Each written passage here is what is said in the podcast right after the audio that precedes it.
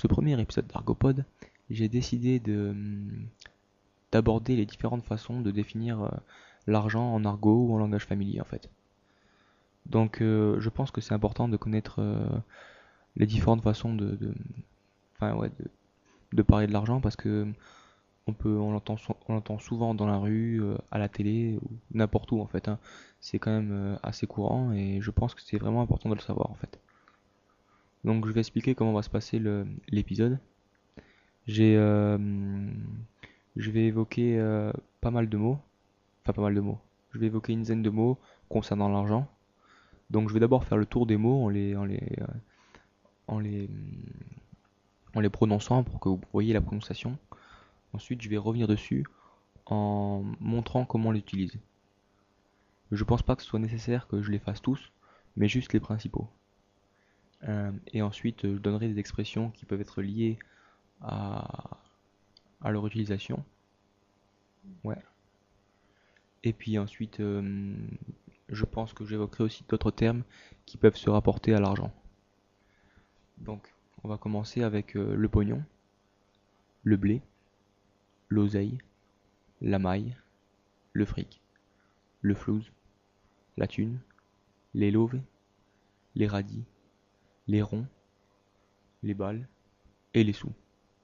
Donc le plus courant en fait, euh, c'est les sous. hein. C'est même le, le- c'est même, c'est pas vulgaire, c'est pas familier, c'est, euh, courant quoi. hein. Donc on va dire, euh, t'as pas des sous, oui j'ai des sous, j'ai pas de sous. Voilà, je pense qu'on a fait le tour. Enfin, de comment on l'utilise, c'est pas très dur en fait. hein. Faut la su- Voilà. Après on a les balles. Donc les balles, ça c'est un peu, c'est un peu plus vieux, je dirais. Ça, c'était à l'époque des francs en fait. On disait par exemple j'avais 100 balles. 100 balles, un une balle était équivalent à un franc. Mais bon, maintenant qu'on est passé aux euros, euh, on l'utilise plus trop en fait. On l'utilise encore, mais on pourrait dire 100 balles, mais je l'entends pas trop souvent pour définir 100 euros en fait. hein. Mais bon, on peut quand même l'entendre. Ou même dans des vieux films ou n'importe quoi en fait. hein. Après on a euh, les ronds donc. Les ronds.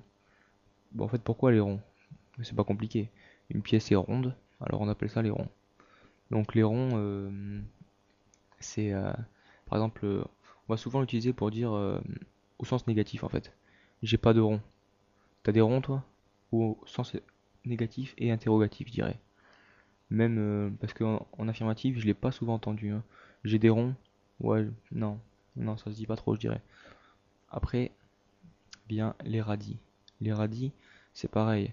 C'est euh, en général c'est au sens euh, négatif ou au sens ouais pas négatif mais euh, au sens ouais un peu négatif quand même. Par exemple on va dire j'ai pas un radis qui veut dire j'ai pas du tout d'argent en fait. hein. Quand on dit vraiment pas un radis c'est qu'on a vraiment pas d'argent quoi. Après on va pas aller voir un type on va pas lui dire t'as pas des radis non ça ça se dit pas du tout. Donc faire attention à comment on l'utilise. Après on a les lovés. Donc les lovés ça c'est un peu spécial comme, euh, comme terme. C'est euh, c'est utilisé entre jeunes, je dirais. Les, euh, les adultes, ils l'utilisent pas, pas vraiment en fait. hein. C'est surtout les jeunes dans les, dans la rue ou quoi. C'est souvent utilisé. Par exemple, on va dire T'as pas des lové? Non. Et puis l'autre il va répondre Non, j'ai pas de lové. Ah d'accord. Sinon, vas-y, t'es plein de lové. Genre, ce qui veut dire que le, le, le gars à qui on est en train de parler, il a plein d'argent quoi. Plein de sous. Après, on a les thunes. Donc les thunes, ça c'est vraiment courant. Ça, on peut l'utiliser de toutes les façons. hein. T'as pas des thunes? Oui, j'ai des thunes. Non, j'ai pas de thunes. On peut aussi dire euh, j'ai pas une thune. Ça, ça dit, ça aussi. Ou comme j'ai aucune, j'ai pas du tout d'argent. Donc euh, j'ai pas de thune du tout. Euh, putain, il faut que je trouve la thune. Putain, merde, tout. ah, ça s'utilise souvent aussi comme ça, hein, avec les mots putain. Putain qui veut dire, qui est en fait une façon de, comment expliquer, de dire euh, qu'on est un peu, pas énervé, mais un espèce de zut quoi. Mais un peu vulgaire quand même. Après on a le flouze. Donc le flouze, ça c'est, c'est- je l'entends de moins en moins souvent, mais c'est quand même assez courant. C'est pareil, c'est, euh, t'as pas du flouze? Non, j'ai pas de flouze. Voilà, bah par, ouais. Après il y a le fric. Le fric ça c'est vraiment courant ça. Euh, donc j'ai du fric, j'ai pas de fric. euh, je suis plein de fric, il est plein de fric. Euh, j'ai plus de fric en ce moment. Voilà. Ça, on l'utilise comme ça. Après, on a la maille. Donc la maille, ça, c'est pas très courant, je dirais. La maille, c'est... Euh, enfin, si, ça doit être courant, mais pas vers chez moi, en fait. Je l'ai souvent entendu à la télé, mais sinon, euh, dans la rue ou vers chez moi, je l'ai quasiment jamais entendu. C'était une façon de dire euh, t'as de la maille? Ouais, t'as de l'argent, quoi. Non, j'ai pas de maille, j'ai pas... Mais bon, comme je dis, c'est pas un truc que j'utilise vraiment souvent, ni moi, ni mon entourage, donc je sais pas. Mais c'est quand même à savoir parce qu'on on peut l'entendre à la télé, en fait. Après, il y a l'oseille. L'oseille, je pense que c'est un peu vieux quand même. hein. Avant, euh, ouais, je dirais que c'est euh, surtout euh, plus l'ancienne génération qui l'utilisait. Mais euh, ça s'utilise encore des fois, genre, euh, t'as pas de l'oseille? Non, j'ai pas de l'oseille, j'ai pas d'oseille plutôt. Euh, mais euh, comme j'ai dit, c'est pas trop la peine de l'utiliser. Le mieux, c'est d'utiliser euh, les thunes, le fric, les sous. Si on n'est pas sûr, les sous, ça passe tout le temps. Après, on a aussi le blé, ouais. Donc là, c'est pareil. J'ai du blé, j'ai pas de blé.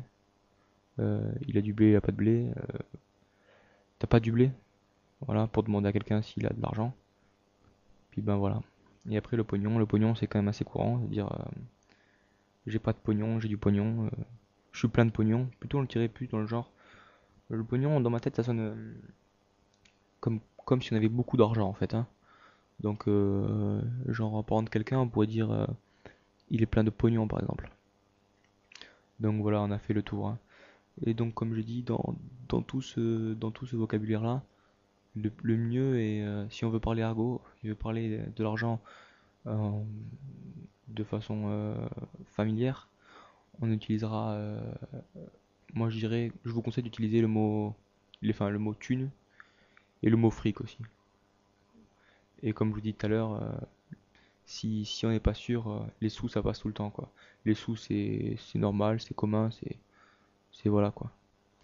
Donc à se rappeler, c'est souvent pour poser des questions, enfin des questions, pour demander à quelqu'un s'il a de l'argent, on va lui dire euh, ouais t'as pas des thunes ou ou t'as pas t'as pas du fric, t'as pas t'as du blé, voilà. Ça c'est les, façons les plus courantes, les plus courantes. Donc voilà. Après on a les expressions qui sont liées à l'argent. Donc par exemple on pourra dire de quelqu'un qui est euh, euh, qui a beaucoup d'argent, on pourra lui dire qu'il est plein aux as, on pourra lui dire. T'es plein aux as, ou on pourra dire je suis plein aux as, ce qui veut dire qu'en fait on a vraiment beaucoup beaucoup d'argent. hein. C'est euh, pas familier, c'est euh, un peu familier peut-être, ouais. Mais euh, pas, mais c'est pas vulgaire, c'est pas vulgaire, ouais. Après il y a être blindé, qui ça c'est assez familier quand même. Donc en fait sous-entendu être blindé de thunes ou d'argent, ça veut dire que c'est pareil, on est plein aux as, ça veut dire on a beaucoup d'argent et voilà quoi. Après, on a, d'autres façons de, le définir aussi. On a pété de blé. Donc pété de blé, ça c'est, un peu plus familier, je dirais, encore que être blindé. Genre, euh, on pourrait dire, euh, putain, il est pété de blé celui-là. Pour parler de quelqu'un qui euh, a beaucoup d'argent et, c'est même un peu péjoratif, je dirais. Comme en fait, on, ressentirait même un peu de la jalousie derrière. Après, pareil, un pété de blé, pété de thunes, c'est pareil. hein. Et après, à l'opposé, on a être à sec. Donc ne pas avoir d'argent en fait. Être à sec d'argent, être à sec de, de thunes quoi. Donc c'est ne, ne plus tout avoir d'argent quoi. On pourrait aussi être utilisé euh, être fauché. Ça c'est vraiment euh, ça c'est une façon de c'est une façon euh, courante de, de dire qu'on n'a pas d'argent en fait. C'est ni vulgaire ni familier, c'est juste ouais c'est familier un peu mais c'est c'est poli, c'est poli, je ouais. Poli, c'est le terme. Après, on a la, on a des façons, euh, par exemple, j'ai pas un radis.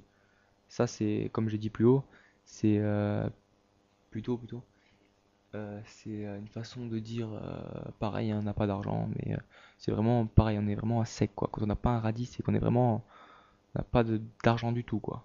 Et donc, pareil, ne pas avoir une thune, c'est vraiment euh, pareil. En fait, tous les, tous les quatre expriment la même idée, hein. C'est, euh, on n'a pas d'argent, quoi. Donc, euh, être à sec, ne pas avoir un radis, ne pas avoir une thune et être fauché.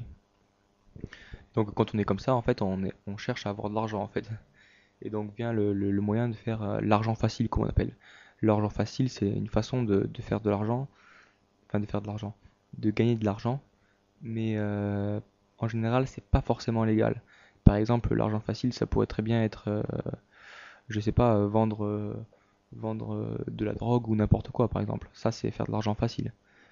On peut aussi dire de l'argent à l'arrache, mais c'est moins courant et je sais pas si c'est vraiment le but d'apprendre ça.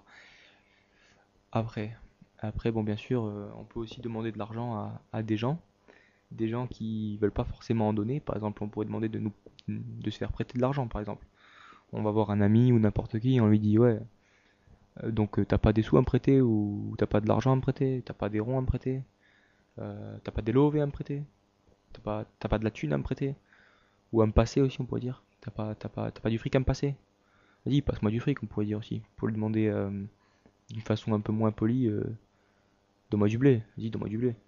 Ça c'est des façons de faire. Hein. Et donc si la personne en face ne, veut pas donner de, de l'argent, on pourrait lui dire qu'il est pingre. Donc ça c'est une façon polie de dire en fait c'est un avare. Un avare c'est de façon pareille, c'est poli aussi. Hein. C'est une façon de dire que la personne est, est, en fait radine quoi. Donc on pourrait dire aussi que c'est un radin. Et un radin c'est quelqu'un qui est qui veut pas donner d'argent en fait, hein, qui veut tout garder pour lui.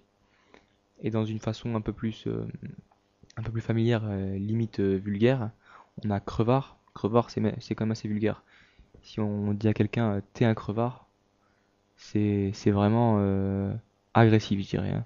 Ouais, on pourrait lui dire euh, sale crevard, vas t'es qu'un crevard. Ce genre de choses. Et après, on a juif. Donc, juif, juif comme la, religion. Mais juif aussi, ça veut dire, quand on dit t'es un sale juif, c'est vraiment péjoratif, même vraiment méprisant et méchant. Et ça veut dire en fait, t'es un radin quoi. Mais t'es vraiment un gros radin et et en général, c'est une insulte hein, de dire t'es un sale juif ou un sale crevard. Donc faut faire attention à comment on l'utilise. Mais on peut l'entendre, comme j'ai dit, on peut l'entendre à la télé. Donc voilà, je pense avoir fait euh, à peu près le tour mm, des différentes façons d'utiliser euh, les différents termes pour qualifier l'argent. Euh, j'espère que ça a pu être compréhensible. Je sais que je parle souvent assez vite, mais j'ai essayé de faire un effort.